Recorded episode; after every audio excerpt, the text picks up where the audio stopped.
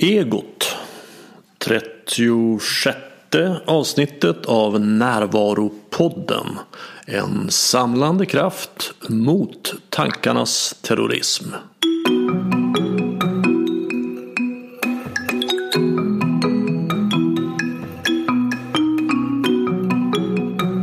Det här är Bengt Renander. Och du som ger dig in i någon form av personlig utveckling kommer snart att stöta på begreppet egot. För mig så tog det lång tid att förstå vad som menas med det. Och en orsak till att det var svårt är nog att det finns olika uppfattningar om vad egot egentligen är. Min förståelse idag är att egot är tankevärlden. Alltså när du tänker om dig själv och om världen, om framtiden och det förflutna så är du i ditt ego. Det är den här rösten i huvudet som pratar nästan hela tiden. Den andra värld vi människor kan vara i är upplevelsevärlden. När du upplever dig och världen med dina sinnen så är du i ditt själv. Då är du närvarande eftersom det inte går att uppleva någonting någon annan gång än nu. Den som är identifierad med sitt ego, med sin tankevärld och tror att den är verklighet får det ofta jobbigt. Och det är vad jag menar med tankarnas terrorism. Förmågan att kunna skilja på tankar och verklighet är den kanske mest belönande förmågan av alla. Och det är vad jag kallar medvetenhet. Att gå med sin uppmärksamhet till nuet, verkligheten, närvaron. Det är att komma till sig själv, att vara vaken.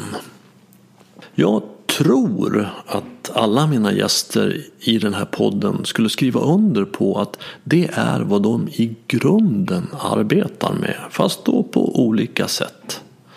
Och så även dagens gäst, Katarina Mannheimer Ahlström. Katarina är filosofie doktor i socialt arbete. Hon arbetar som föreläsare och terapeut och är författare till boken Dit hjärtat längtar. Och vårt samtal rör sig kring hur egot utvecklas, om hur egot definierar sig genom jämförelse och separation. Om egots strategier och baktankar. Om det sunda egot. Om smärtan i att tappa bort sig själv och upplevelser av upplysning. Om att inkludera sig själv bland sina nära och kära om själens mörka natt och om hur smärta kan tvätta bort gammalt skräp i personligheten. Här är Katarina Mannheimer Ahlström.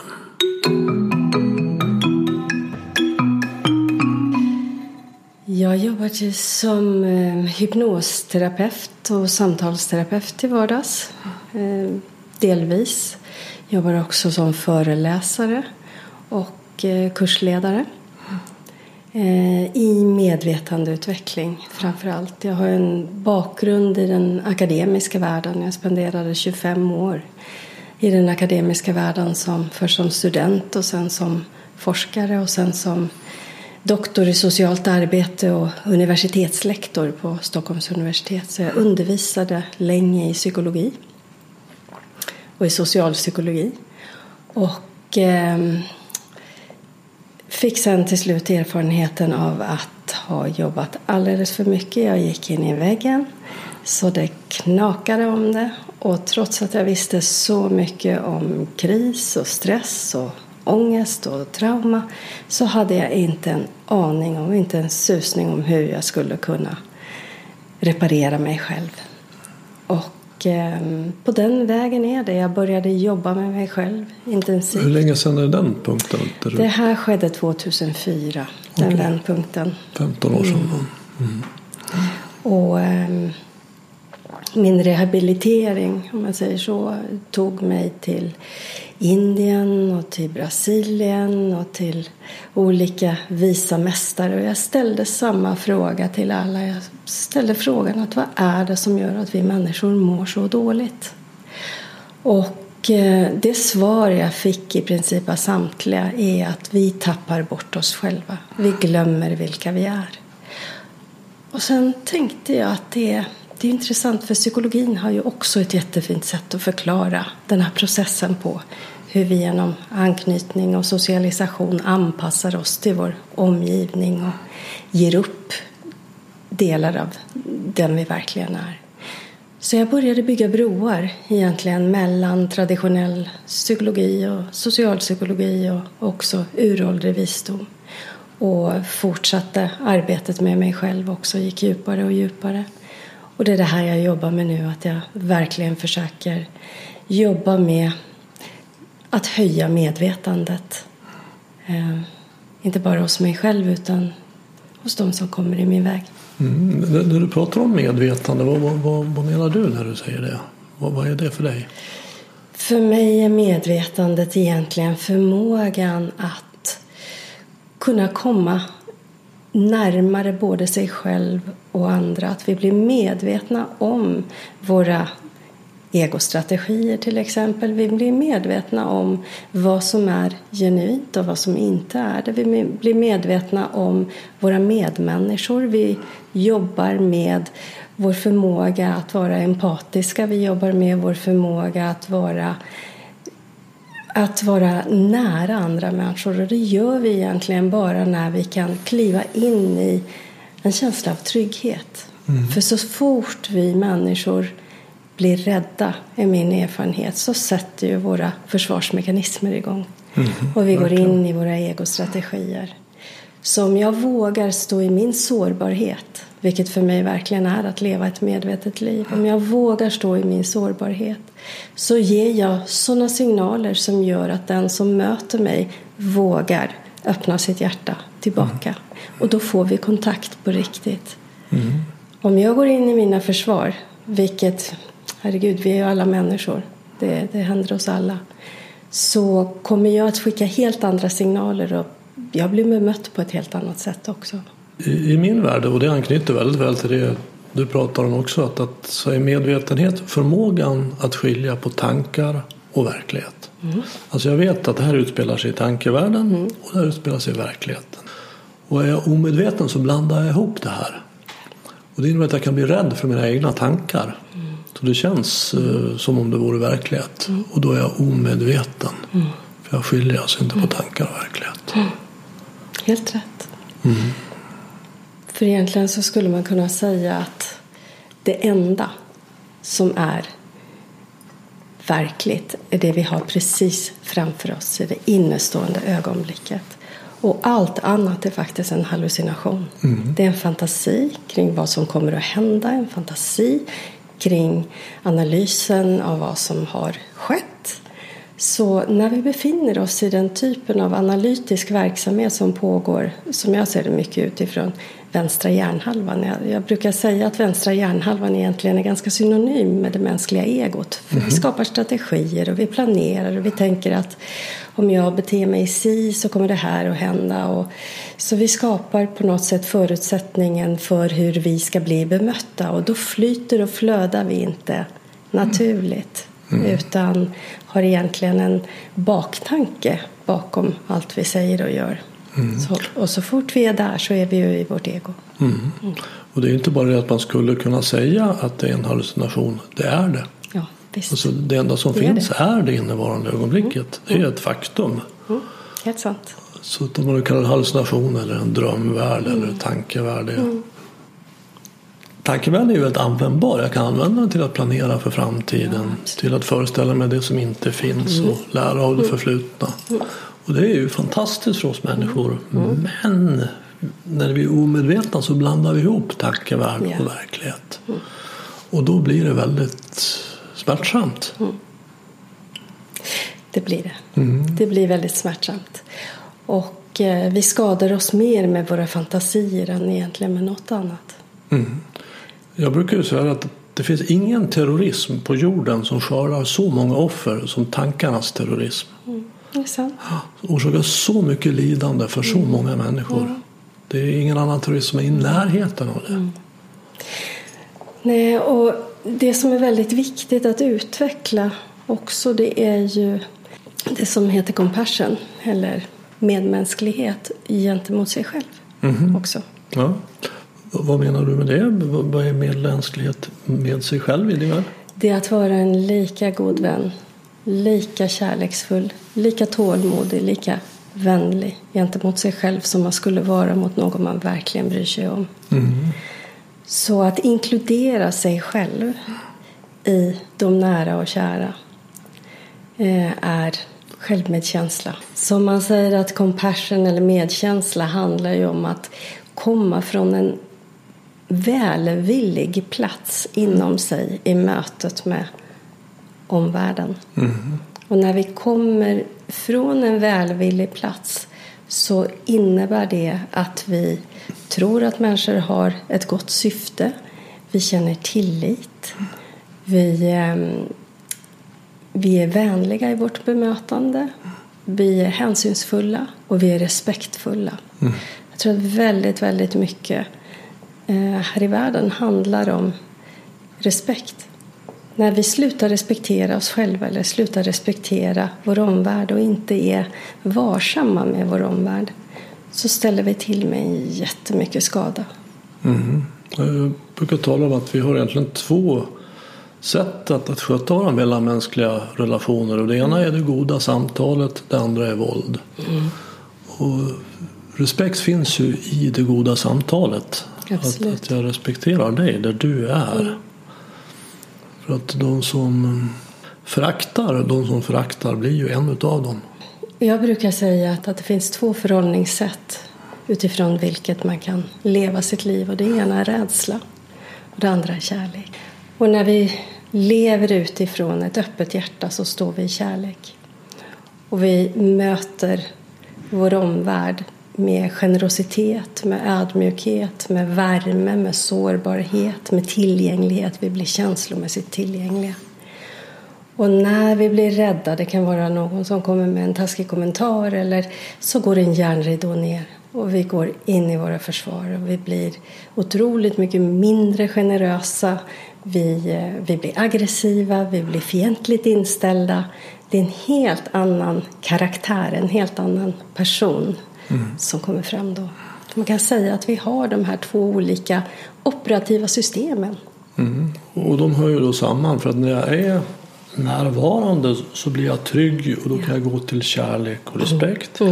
När jag är inne i min tankevärld och tror att den är sann så blir jag rädd och tar till våld. Då ska vi komma ihåg att, att liksom sura och vara tyst och gå och stänga in sig i garaget är också en form av våld. Passiv aggressivitet. Ja, verkligen. Visst. Visst är det det. Jag, jag, du berättade tidigare här om att när du träffar de här visa mästarna som du, runt om i världen att vad de sa var så här att det enda problemet egentligen är att vi har tappat bort oss själva. Mm. Det Vi har slutat också, älska oss själva, sa de också. ja. Och och eh, det, det skulle jag nog säga också om jag skulle sammanfatta det. Man får vara med bland de visa mästarna. Men det jag ser på mina klienter som jag arbetar med så kommer ju alla med väldigt olika berättelser. Men i grunden handlar det om att man har tappat bort sig själv. Alltså man har tappat bort den man är när man är närvarande. Och lever i en destruktiv tankevärld. Och den tankevärlden brukar jag kalla för egot. Just det. Och det är någonting som det pratas om väldigt mycket. Och jag vet att du pratar mycket om det också. Så, så det skulle jag vilja fördjupa, att vi fördjupar oss i lite grann. Vad, vad, egot, vad, vad är egot för dig? Egot är ett konstrukt. Man säger så att vi föds, vi föds perfekta, fullständigt närvarande i nuet och i känslornas värld. Vi bedömer inte eller värderar våra känslor utan vi bara är, vi flyter och flödar. Och vi, har, vi föds med man säger, grundläggande känslor som vi har inprogrammerade i oss. De finns i vår hårddisk. Precis som djuren så kan vi känna oss glada, och ledsna, och arga, och rädda och förvånade. Så det är ganska okomplicerat. Men när vår omgivning börjar bli psykologiskt viktig för oss och det sker någon gång mellan ett och ett halvt till tre år så börjar vi läsa signaler på att den jag är eller mina reaktioner de får inte riktigt plats här, de är inte okej. Okay. Så vi kanske tänker att jag har för många behov eller jag är för känslig eller jag är inte tillräckligt modig eller jag är inte tillräckligt söt, jag är inte tillräckligt tålmodig. Och utifrån de här grundläggande slutsatserna som vi tar tidigt i livet, som vi gör tidigt i livet, så börjar vi utveckla en strategi där vi faktiskt fjärmar oss från vår medfödda genetiska grundpersonlighet. Och vi gör om oss själva och skapar en kvasipersonlighet. Och det är det här som jag kallar egot. Mm. Och den här kvasipersonligheten har egentligen som en sorts uttalat syfte att göra så annorlunda som möjligt från grundversionen av vilka vi är. Säg att du föds med en otrolig känslighet och föds in i en miljö där det inte är okej att vara känslig. Man blir hånad eller retad eller man får skärpa sig. Och den personen kommer ju att dra slutsatsen tidigt i livet att den här känsligheten är något att förakta, det är något att se ner på. Och så börjar man se ner på sin egen känslighet. Man börjar förakta allt det här väldigt ömtåliga och sårbara inom sig själv. Och det gör att hjärtat sluts och man gaskar upp sig och man tuffar till sig. Och så börjar man se ner på andra som är känsliga också. Och det är så jag tror narcissism utvecklas, att man har fått växa upp i en miljö där det inte har varit välkommet med det öppna hjärtat. Det har inte varit välkommet att vara sårbar. Och man behöver stålsätta sig och stänga ner. Mm. Och det enda sättet på vilket man kan hantera sin egen känslighet är att vända sig emot den och inte känna den överhuvudtaget. Det är en fruktansvärt tragisk utveckling. Mm, jag brukar tänka så här att, att det är oerhört få av oss som får växa upp med helt medvetna och närvarande föräldrar. Mm. Utan de flesta av oss föds in i en miljö där det pågår mer eller mindre stort krig. Mm. Alltså i våld. Det behöver inte alls vara fysiskt mm. våld men där man inte har mm. det goda samtalet och man känner sig mm. inte sedd. Så att egot blir en form av försvarsstrategi. Mm. Alltså hur ska jag kunna överleva i den här familjen? Så att jag anpassar mig och utvecklar något där. Så man kan säga att ett avancerat ego är ju det som skiljer oss från djuren. Det är det som gör oss människor annorlunda. Och det är väldigt bra att vi har ett ego. Jag råkar tro att egot är nödvändigt. Men egot behöver få vara sunt. Det är ingenting vi ska, vi ska försöka eliminera. Det är något vi ska försöka förstå, omfatta. Och vi ska läka de delarna av vårt ego som har fått sår och blivit skadade. Mm, vad, vad är det du tycker vi ska förstå med egot? Vad är bra att förstå med egot? Det som är bra att förstå med egot är till exempel att när beter jag mig på ett sätt som faktiskt inte är genuint eller inte nödvändigt. Säg till exempel, jag kan ju, jag kan ju haffa mig själv med att aj attans, nu skröt jag igen. Någonting som jag kan tala om för mig själv att nej, det där var inte nödvändigt att säga. Och istället för att slå på mig själv så klappar jag mig själv på huvudet lite att nu var du där igen.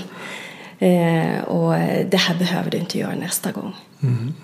För det är möjligt när man då har den här inre kartan som jag arbetar med och som jag får en bild av att du också gör. Att vi har då egot som är en plats i mig och sen har vi någon som kan bevittna det där. Precis. Som är självet, den är, den är närvarande.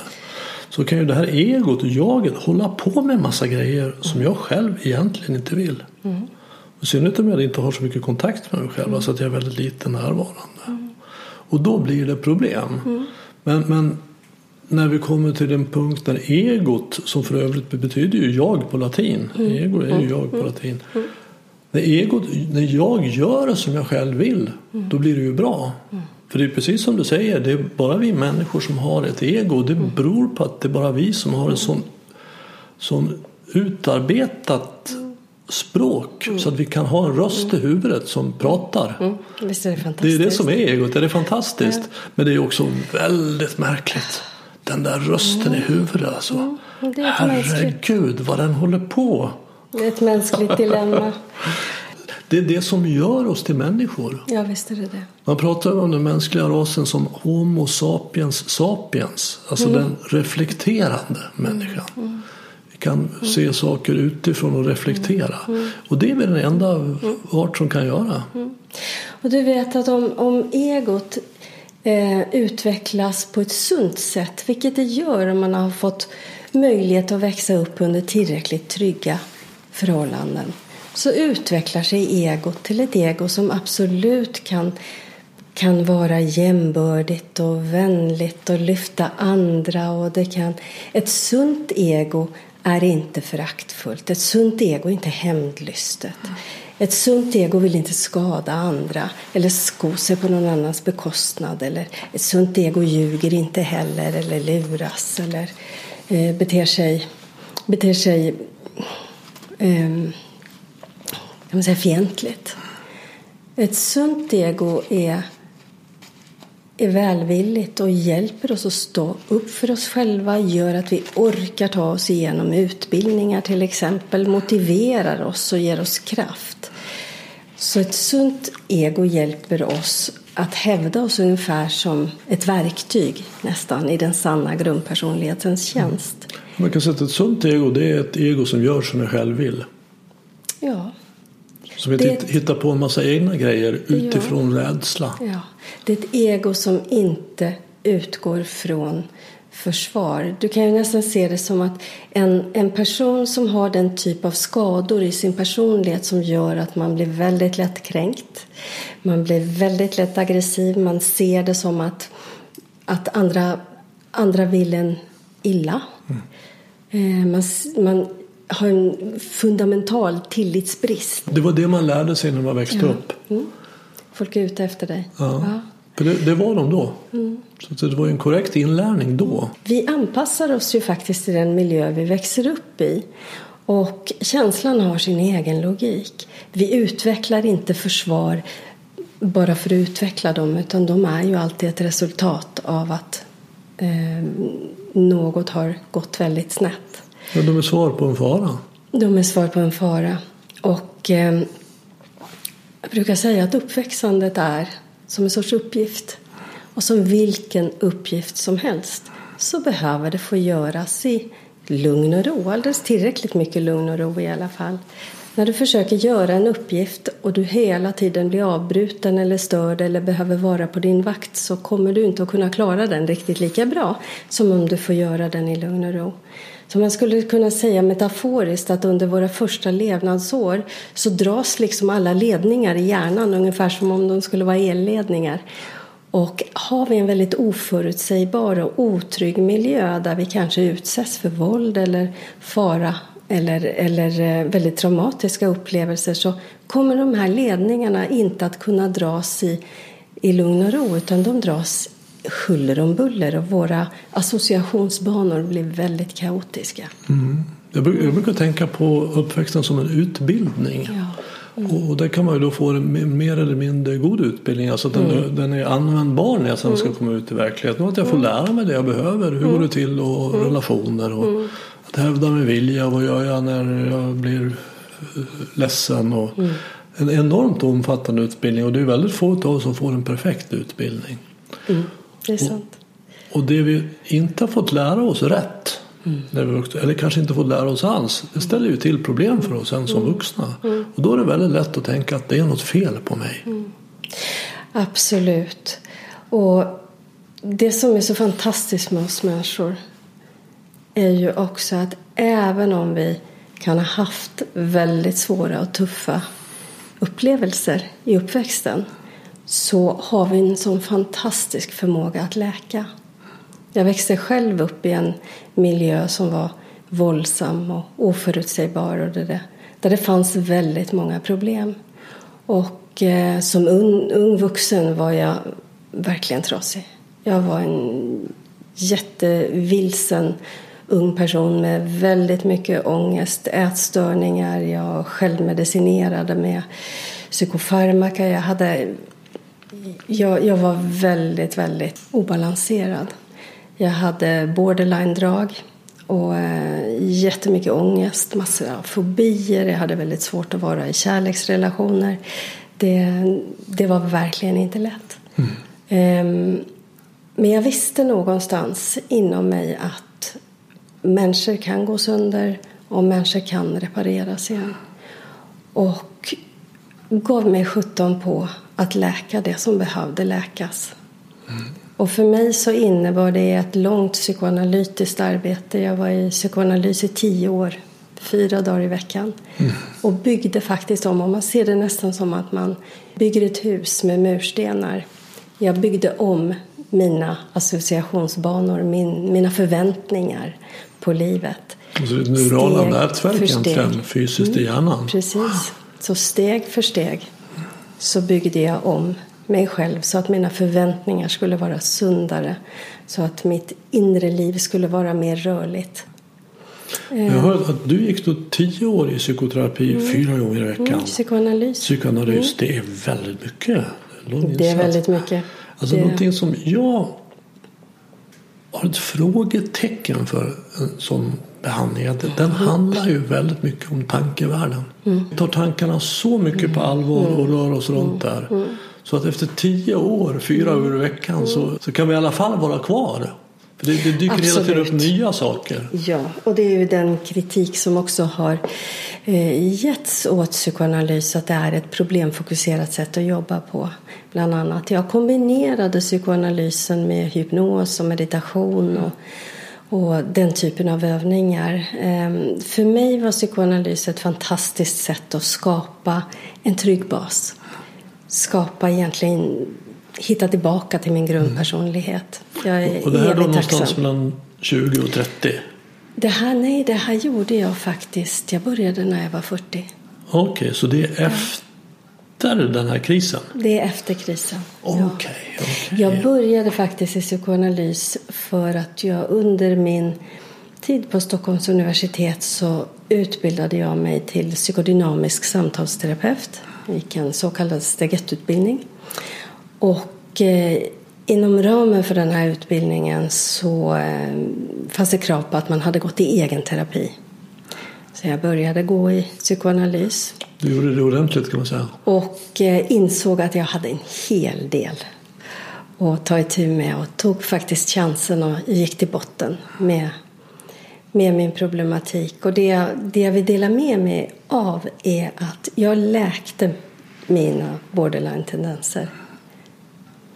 Jag eh, kommer ihåg att jag efter ett par år, jag tror det tog fyra år, kände nästan som en bubbla som sprack i mitt huvud. Och plötsligt kunde jag se nyanser hos andra människor. Jag kunde se nyanser i situationer. Jag kunde se alla schatteringar. Jag fick verkligheten att gå ihop. Mm. Så jag vet att det är möjligt mm. att läka sig själv även om man Även om man har, man har väldigt stora problem. Mm. Mm. För jag har själv gjort det jobbet. Ja, mm. för jag är inspirerad bland annat av psykosyntesen som ju mm. menar att, att där har, i alla människor så finns det en del, ett centrum, som är helt friskt. Absolut. Oavsett vad man har varit med om. Mm.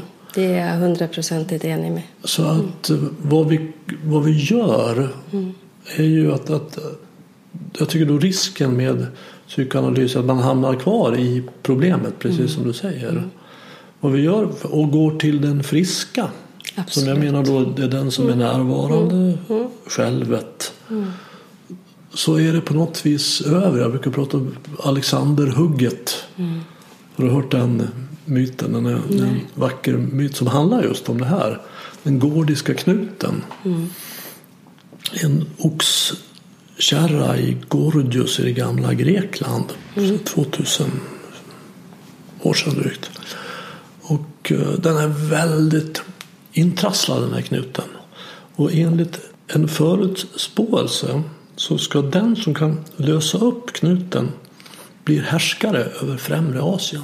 Okay. Så det är många som är där och försöker trassla ut den här knuten. Men jädrar anamma, de trasslar in sig själva och ger upp. Det går inte. Mm. Det är så jädra trassligt. Mm. Och sen har Alexander den store talas om den gordiska knuten. Och han vill ju bli härskare över Främre Asien så att han ger sig dit till det här torget och till Oxkärran. Och han börjar också då trassla men han märker att fan, det här kommer aldrig att gå. Och då drar han sitt svärd. Och så hugger han den här puff i mitten i frustration. Och bara zopp. Det bara lägger sig, det bara löser upp sig. Mm. Och knuten är löst. Mm. Och Alexander den store blev också härskare över Främre Asien. Mm.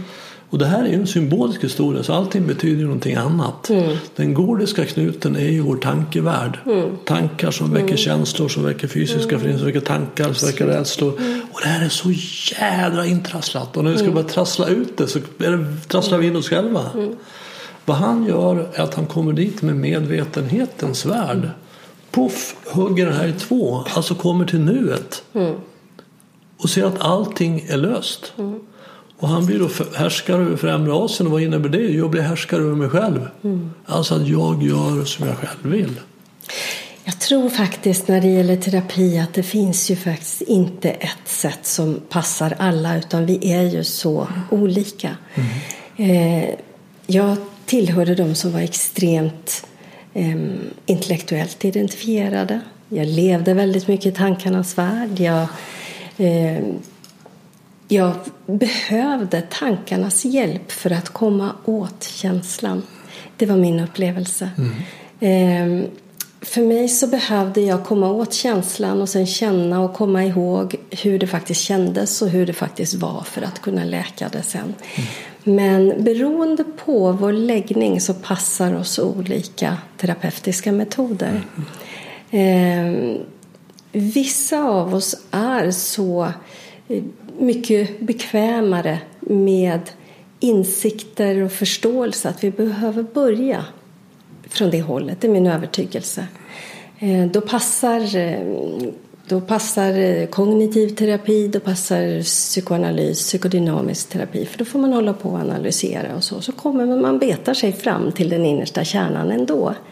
Jag brukar säga att psykologin vilar på tre ben. Det ena är tanke, det andra är känsla och det tredje är beteende. Och sen beror det ju på från vilket håll man vill börja men man kommer ju fram till samma plats. Vissa metoder tar längre tid än andra men vissa individer behöver att det får gå lite långsamt också. Så ehm, att min erfarenhet, eftersom jag själv jobbar som hypnosterapeut och jobbar mycket med guidade visualiseringar och så, är att när vi försätter den vänstra hjärnhalvan eller vårt analytiska mind, den här tankevärlden, egot. När vi försätter den delen av oss i vila, när vi tryggar den delen och den får falla in i trans så kan vi jobba med de processer, som, de kreativa drömlika processer som finns i den högra hjärnhalvan på ett alldeles fantastiskt sätt. För det är en sån samarbetsvillig och genuin och kärleksfull och närvarande del av oss själva i vår högra hjärnhalva är vi alltid här och nu. Den mm. kan inte vara på någon annan plats. Mm. Den, de här två platserna igen som, precis. som, som har, kan kalla olika saker. Ja, så man skulle kunna säga mer eller mindre symboliskt. Jag vet att det är en förenkling eftersom alla delar i hjärnan är involverade i de flesta processer. Men att eh, man skulle kunna likna egot med den vänstra hjärnhalvan och närvaron eller när vi är centrerade i vår själ, i vårt hjärta så är vi mycket mer i den högra hjärnhalvan. Eller det är där vi är. Mm. Mm. Okej. Okay. Jag tänker på en av de här visa männen. Jag, jag tror inte du träffade honom, du är för ung för det. Men han heter ju Krishnamurti. Mm, han var ju, jag har hört talas om honom. Ja, och han sa ju på en av sina föreläsningar en av mina favoritberättelser. Mm. Sa han plötsligt att Do you want to know my secret? Mm. Han var ju då en upplyst man så han var närvarande i kontakt med sin visdom och mm. kreativitet och kärlek och humor. Och sånt som vi kommer i kontakt med när vi är närvarande. Mm. Och alla de, ja, ja, det, det vill vi absolut. Och då sa han så här. Well, my secret is that I don't mind what happens. Mm. Och det innebär så att han går till sig själv. För om man, ett sätt att sammanfatta egot är att jag är emot. Yeah. Jag är emot det som är. Jag är emot mig själv som jag är. Jag är emot andra som de är. Mm. Vädret. Mm. Egot definierar sig genom att vara emot. Mm. Därför att egot kan inte göra något annat än att jämföra. Mm. Det kan inte känna jämbördighet. Det kan inte positionera sig på något annat sätt än att sätta saker i kontrast med varandra. Och det innebär per automatik en separation. Medan närvaron är förknippad med enhet. Vi känner samhörighet, vi är närvarande, vi känner kärlek. Vi känner kärlek även för oss själva. Mm. Så det är två väldigt olika karaktärer som kommer fram i oss när vi befinner oss i de här olika positionerna. Mm, verkligen, och det är ju mycket påtagligt. Alltså, mm. Eh, jag, jag, känner ju en enorm skillnad mm. när jag är närvarande. Då är allting som det ska vara. Precis. I don't mind what happens. Mm. Och sen kan jag gå in i egot och drama och det är fruktansvärt. Hur ska det gå? Hur ska det bli? Och nej, varför Karl om inte? Oh, och kan inte sova på natten och tankarna ligger och snurrar. Det är ju två helt skilda liv. Det är två helt skilda liv. Och jag, jag tycker en annan bra metafor som jag brukar använda är en tornado. Mm. Och du vet, den är ju väldigt kraftfull. Mm. Suger upp bilar och träd och hustak. Mm. Men i centrum på en tornado så är det helt stilla. Mm. Det är det. Så det är möjligt att gå där. Till stormens äga. Ja, om man är uppmärksam. Men sen sugs, det finns ju en centrifugalkraft i tornadon så sugs mm. ut och är där ute. Mm. Och har man då inte en utvecklad närvaromuskel mm. så, så, kommer man inte därifrån, även om man vet att man är där. Mm. Man behöver träna upp sin närvaromuskel. Och vad innebär det då? Jo, min förmåga att komma till nuet mm. även när det är drama. Mm. Och hur går det till? Jo, meditation. Det är för mig närvaromuskelträning. Ja, egot, mer om egot. Mm. Hur, vet man att man är sitt ego? Ja, framförallt så behöver man ha utvecklat så mycket självkännedom och så mycket kännedom om de här processerna att man känner igen vad som pågår. Och det man skulle kunna säga att egot handlar ju om allt vi gör för att få det vi vill ha och för att behålla det vi inte vill mista. Det är så fort vi är i strategi, så fort det finns en baktanke med det vi gör så är vi i vårt ego. Mm. Så fort vi känner oss separerade från andra människor så är vi också, eller från världen, så är vi i vårt ego. Vi har gått in i våra försvar. Ju mer medveten man blir om vilke, vem man är och vem man inte är. Ju mer man lär känna sin grundpersonlighet, ju mer man omfattar och tar tillbaka sin grundpersonlighet som man en gång i tiden övergav. Så desto tydligare blir det när man faktiskt är i sitt ego. Och man kan identifiera det och säga att nej, nu gick jag in i mitt ego. Nu, nu tar vi ett omtag och backar här. Så det blir ganska tydligt med mera självkännedom så blir det väldigt tydligt vad som är vad. Det är väldigt, väldigt svårt att utvecklas som människa. Man pratar om personlig utveckling eller medvetandeutveckling. Jag tycker det är ganska synonymt. Det är väldigt, väldigt svårt att utvecklas som människa så länge som det finns en massa saker som du inte vill kännas vid om dig själv. Så länge du har en massa hemligheter om dig själv kring vem du är. Så länge du låtsas som att något inte är ett problem, även om det de facto är det. Så länge vi förnekar saker för oss själva så är det väldigt svårt att utvecklas som människor. Det enda sättet på vilket vi faktiskt kan komma vidare i vår medvetandeutveckling det är genom fullständig ärlighet och transparens. Vi behöver bli fullständigt ärliga inför oss själva med vilka vi är. Och istället för att racka ner på vilka vi egentligen är så försöka se på oss själva med kärlek och förståelse för att det finns en känslomässig logik som har gjort att vi har blivit just så här. Det går att reparera, men det går inte att reparera något om vi inte visste titta lite närmare på var skadan sitter. Jag tror att buddhisterna, om de skulle definiera egot så skulle de kanske göra det i fyra ord. De kan mm. säkert göra det i många, många böcker också. Men rädsla och begär i förhållande till framtiden och det förflutna. Mm. Rädsla, begär, framtid, förflutet. Mm. Och begär är ju egentligen en annan sida av rädsla. Mm. Så skulle vi sammanfatta det i ett ord så är det rädsla. Mm. Absolut. Mm. mm. Det, är det är rädslan att inte få det man önskar sig. Mm. Och att inte duga till. Och, det inte duga till, ja, Det finns ju hur mycket som helst. Mm. Man kan vara, för jag, jag trodde att jag hade hört det mesta efter 20 år här jobbet. Men sen så var det en klient som berättade att hon var rädd för att gravitationen skulle upphöra. Mm. Så att vi skulle liksom lyfta ifrån marken. Och hon skulle inte få tag på sina barn. Så, wow, vad kreativ den här rädslan är. Den är kreativ. Jävlar vad hon kan hitta på. Ja, gud ja. Den, eh, den tar sig in överallt. Man skulle ju kunna se det så också som att man säger att, vi, att vår eh, tankeverksamhet tycker om när vi går in i våra intellektuella delar, när vi blir väldigt mentala, så blir vi också ganska problemorienterade och vi tycker om att lösa problem. Vilket gör att har vi inget konkret problem att göra så kommer hjärnan av gammal vana att försöka hitta någonting mm. att problematisera kring. Mm. Det är nästan, man kan se det nästan som att, att om en värmepanna behöver funka på årets kallaste dag så behöver man liksom underhålla den och se till att den verkligen kan komma upp i full kapacitet när som helst. Lite så gör vi med vår intellektuella hjärna. Vi ser till att den motionerar och håller sig fullständigt sysselsatt hela tiden. Jag tror personligen man lika gärna skulle kunna lösa korsord och få lika mycket motion i sin problemlösningsförmåga.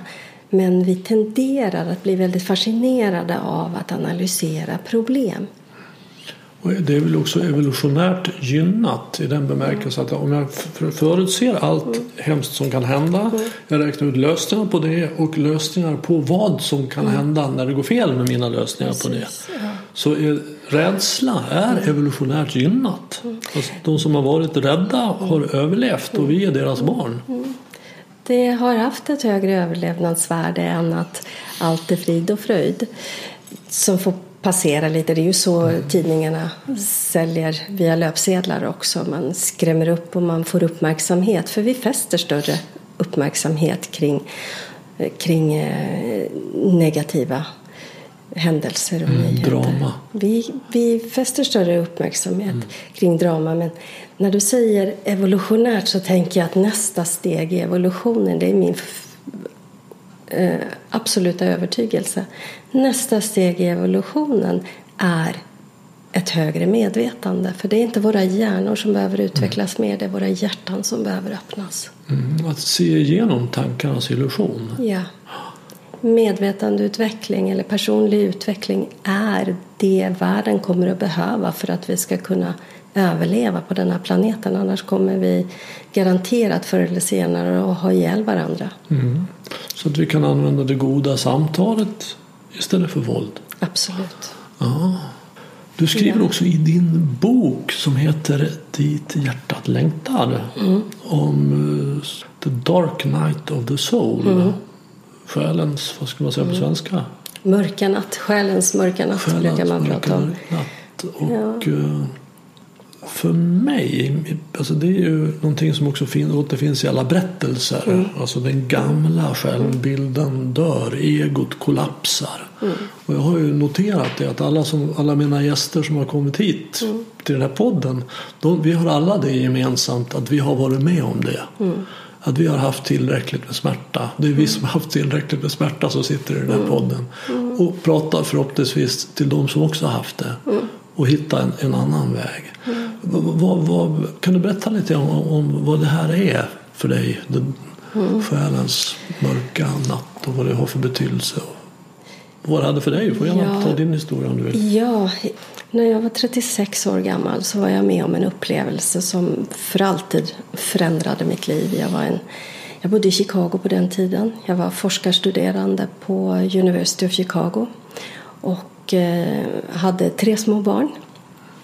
Min dotter var eh, ett halvår gammal när det inträffade. Och det var så här att jag hade en period där jag hade väldigt svårt att sova på nätterna och jag kände mycket ångest och stress och det var svårt att, att hinna med allting. Ehm, jag var inte särskilt ehm, skulle säga, jag var inte särskilt andligt intresserad på den tiden. Jag levde inte mitt liv på det sättet utan jag levde ett väldigt konventionellt liv.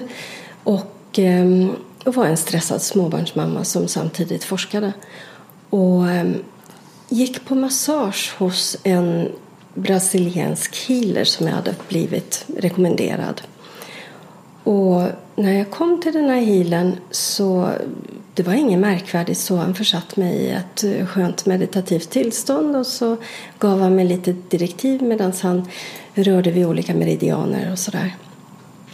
Och plötsligt så hamnade jag i ett fullständigt extatiskt tillstånd. Jag var fullständigt vaken.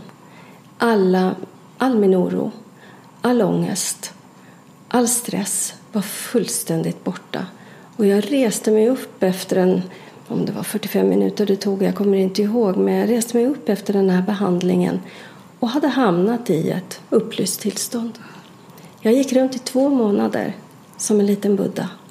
Älskade livet, förstod plötsligt att vi lever livet på insidan. Jag såg igenom livets hemlighet. Jag kände att det här är ju meningen med att vara människa. Det är, här, det är så här vi är ämnade att leva. Det är så vi ska känna, det är så vi ska må. Jag kände ingen separation, jag kände ingen stress, jag kände ingen, ingen prestationsångest. Det var som att hela min före detta personlighet var fullständigt utbytt. Och det här var ett så ovanligt tillstånd för mig att vara i. Så jag började bekymra mig lite. Jag tänkte att är det så att jag har fått en hjärntumör som sitter och trycker på något sätt som har bedövat hela min vänstra hjärnhalva. Så jag började oroa mig lite för så här bra hade jag aldrig någonsin mått. Nej. Och då var du där igen. Då var jag där igen och började bekymra mig lite grann. Men summa summarum, det här tillståndet varade i två månader ungefär innan det började ebba ut. Och jag slöt en pakt med mig själv att vad som än händer så kommer jag att se till att jag kan ta mig tillbaka till den här platsen inom mig. Och jag kände intuitivt att det här var en försmak på hur man kommer att kunna ha det när man har hanterat sina sår och trauman. Att det var nödvändigt att möta det som behövde mötas. Sen gick det kanske ett år eller två och sen rasade hela mitt liv. Vi flyttade hem till Sverige. Min pappa dog, min katt dog. Jag skilde mig. Jag gifte mig igen. Jag förlorade två ofödda barn och skilde mig ännu en gång. Jag gick igenom så många förluster och så många sorger på ungefär tre år att jag inte visste ens vilken ände jag skulle börja i för att ta hand om allt det här. Så det var som om hela min tillvaro rasade. Allt, som om mattan bara verkligen slets under fötterna på mig och jag hann inte ens resa mig upp innan jag fick en ny känga. Och eh, jag... Det här började väl 2001 och det var över 2004. Så den, när den här perioden väl var över så började jag i psykoanalys. Det var det som ledde upp till, det var upptakten till att jag verkligen började jobba med mig själv. För jag visste att den här platsen av fullständig frid och glädje och enkelhet och skönhet och närvaro och samhörighet, den finns inom mig. Och jag kan hitta den igen. Mm. Jag vet precis vad du pratar om. Jag har också varit där. Dock aldrig två månader i sträck. Det får du säga. Men jag är där ibland och jag kan, jag kan hitta dit och gå dit. Och sen, Det är ju centrum av tornadon. Och sen sugs jag ut igen och så kan jag gå in dit. Och det är ju fantastiskt att att först så kan man ju förstå det när Mm. folk pratar om det. Man kan få en, det är ungefär som att förstå vad en banan är. Mm. Men det är inte först man har smakat på den som man riktigt vet vad det är. Och när man har upplevt det, Mm. att det är fullt möjligt. Och det är ju inte ett drogat tillstånd. Det finns ju de som tror att man blir väldigt flummig och konstigt. Nej, tvärtom. tvärtom. Det är ett väldigt- vaket tillstånd Ja. i verkligheten. Fokuserat tillstånd. Mycket. Fullständigt närvarande. Det finns ju de som säger så att, att ja, det här som vi pratar om, att det, åh, det här är flum, låter väldigt flummigt. Men jag menar att det här är motsatsen till flum. Det är sant. Det här är att vara i verkligheten. På riktigt. Det här du håller på med, att tro på några tankar, det är flummigt. Alltså inte du. Nej, nej. det, Nej, så- Du har helt rätt. Det, det är när vi är närvarande som vi är som allra mest realistiska för då tar vi in verkligheten rakt upp och ner så som den verkligen är. När vi går in i våra analyser och tankar så hallucinerar vi och då är vi ute och cyklar, verkligen. Så, så jag hör ju att, först så fick du då vad man skulle kunna kalla då för ett andligt uppvaknande. Ja. Då du är närvarande. Sen bröt din egovärld samman Så var det. efter det. Ja. Allt föll mig ur händerna. Det var som att den ena biten efter den andra slets ifrån mig och jag var helt enkelt tvungen att ta itu med mig själv. Vad, vad tänker du om det nu? Jag, hur länge sedan är det här för dig? Det här, eh, jag var väl 2004 var jag ute ur den absolut svåraste perioden. 15 Jag kan säga, ja, det är den, de här tre åren mellan 2001 och 2004 är de absolut svåraste åren i hela mitt liv utan någon som helst eh, konkurrens. Och eh, den perioden var nödvändig för att få mig att vakna på riktigt och få mig att ta tag i det jag behövde läka. Ehm, Jag behövde möta det som behövde mötas och inte släta över det. Jag var till och med så naiv så jag trodde att jag kunde så mycket psykologisk teori så jag behövde inte, jag behövde inte jobba med mig själv utan jag visste hur saker och ting fungerade. Så avstängd var jag. Mm. Så eh, ironiskt nog så stod jag och undervisade i psykologi utan att ha någon som helst erfarenhet av att ha vare sig jobbat med mig själv eller mött min egen smärta. Mm. Verkligen så sammanfaller det också tidsmässigt med min mörkaste period i mitt liv. Är det så? Ja. Och jag kommer ihåg, jag hade en punkt när jag stod upp och sa så här att jag är 40 år gammal och mitt liv är slut. Det var inte det att jag skulle ta livet av mig. Men jag, det känns som att allting hade tagits ifrån mig. Och eh, det är ju då den... Är, och då- kände jag just i det ögonblicket, det var en tisdag förmiddag i februari. Att nu har jag nått min botten. Jag hade varit på väg dit. Ganska, men jag kommer liksom inte djupare än så här. Värre än så här kan det inte bli i mig. Och det kallas ju inom mytologin, alltså den dramaturgiska berättelsen för dödens grotta. Det är en, en väldigt nödvändig punkt, ligger i slutet på andra akten av en berättelse. Där den gamla självbilden dör. Allting tas ifrån mig. Så att det kan byggas upp en ny. En ny som är närmare den jag sant är. Precis. För den här smärtan är ju till för att tvätta bort gam, det gamla skiten. Så att jag kan komma ur mer rent som den jag är. Det rensar ur och tar med sig massor av saker i, kölvattnet. Ja. Ehm, sen ska jag säga att ehm, perioder av utrensningar, uppvaknanden har ju återkommit liksom perioder av eh, väldig närvaro och upplysning om man kallar det för det. Det här har kommit och gått i mitt liv sedan dess. Både det ena och det andra. Aldrig på det dramatiska sättet som skedde där när jag var 36 eller, och lite senare. Men eh, jag kommer ihåg när jag skrev min bok. Den var färdig 2014. Hade jag varit på en eh, pilgrimsresa till Brasilien och suttit och mediterat jättemycket. Och så kom jag hem till Sverige efter den här resan och eh, satt mig i princip i pyjamas i min favoritfåtölj och började skriva min bok.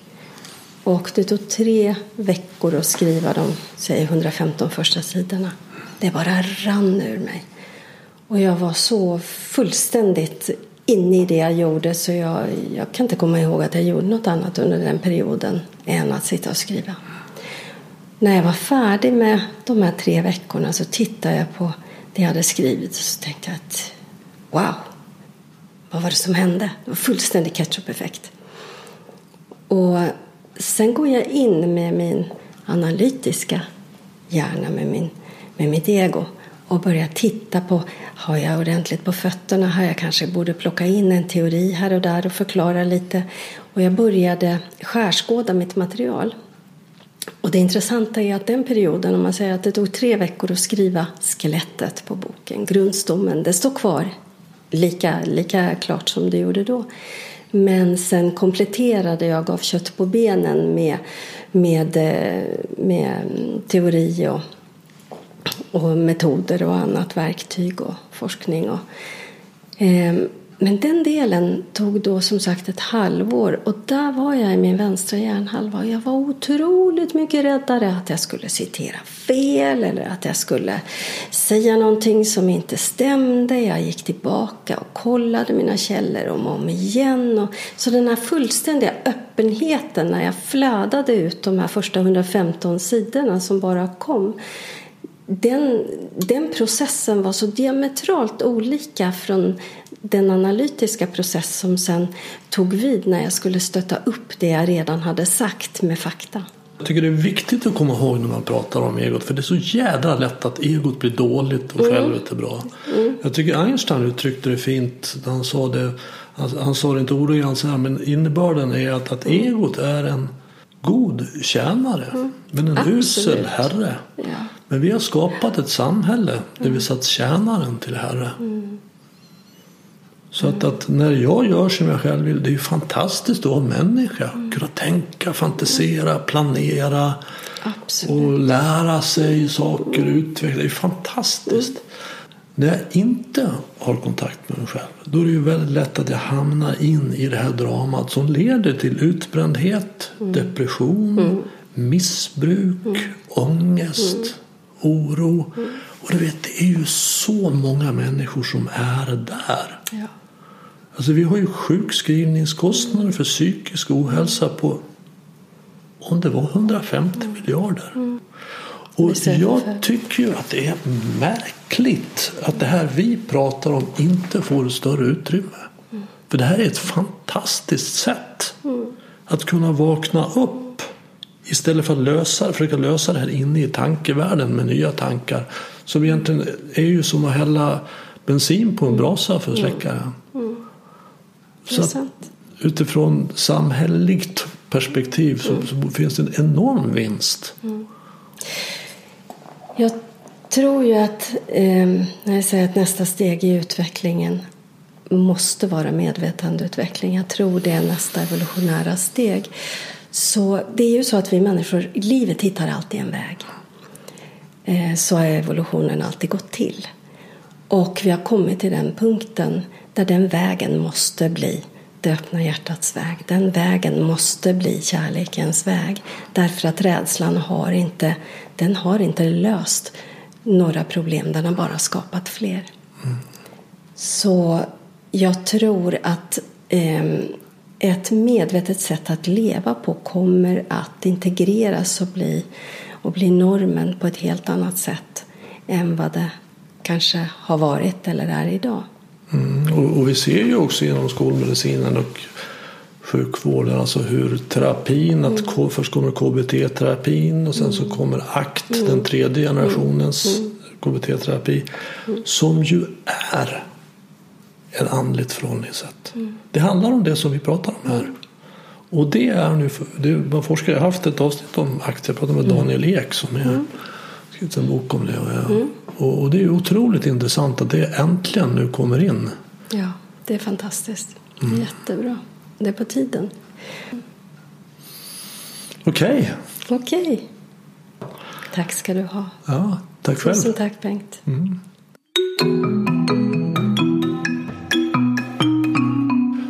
Om du vill komma i kontakt med Katarina, anlita henne som terapeut eller föreläsare eller köpa hennes bok Dit hjärtat längtar så finns en länk till hennes hemsida i anslutning till det här avsnittet på min hemsida renander.nu. På sin hemsida kommer Katarina också berätta när hennes nästa bok finns att köpa. Den har arbetsnamnet En värld full av egon. En bok om konsten att leva med öppet hjärta. Och räkna med att den kommer runt jul 2019. Vill du stödja Närvaropodden i kampen mot tankarnas terrorism så gör du bäst det genom att tipsa om att den finns till vänner och bekanta. Och det är också hjälpsamt om du betygsätter och skriver kommentarer på iTunes. Och det är alltid välkommet med tips på teman eller personer att ha med i podden. Och desto fler vi är som är vakna i verkligheten, ju mer kan vi förändra den på riktigt. På återhörande och du, var uppmärksam.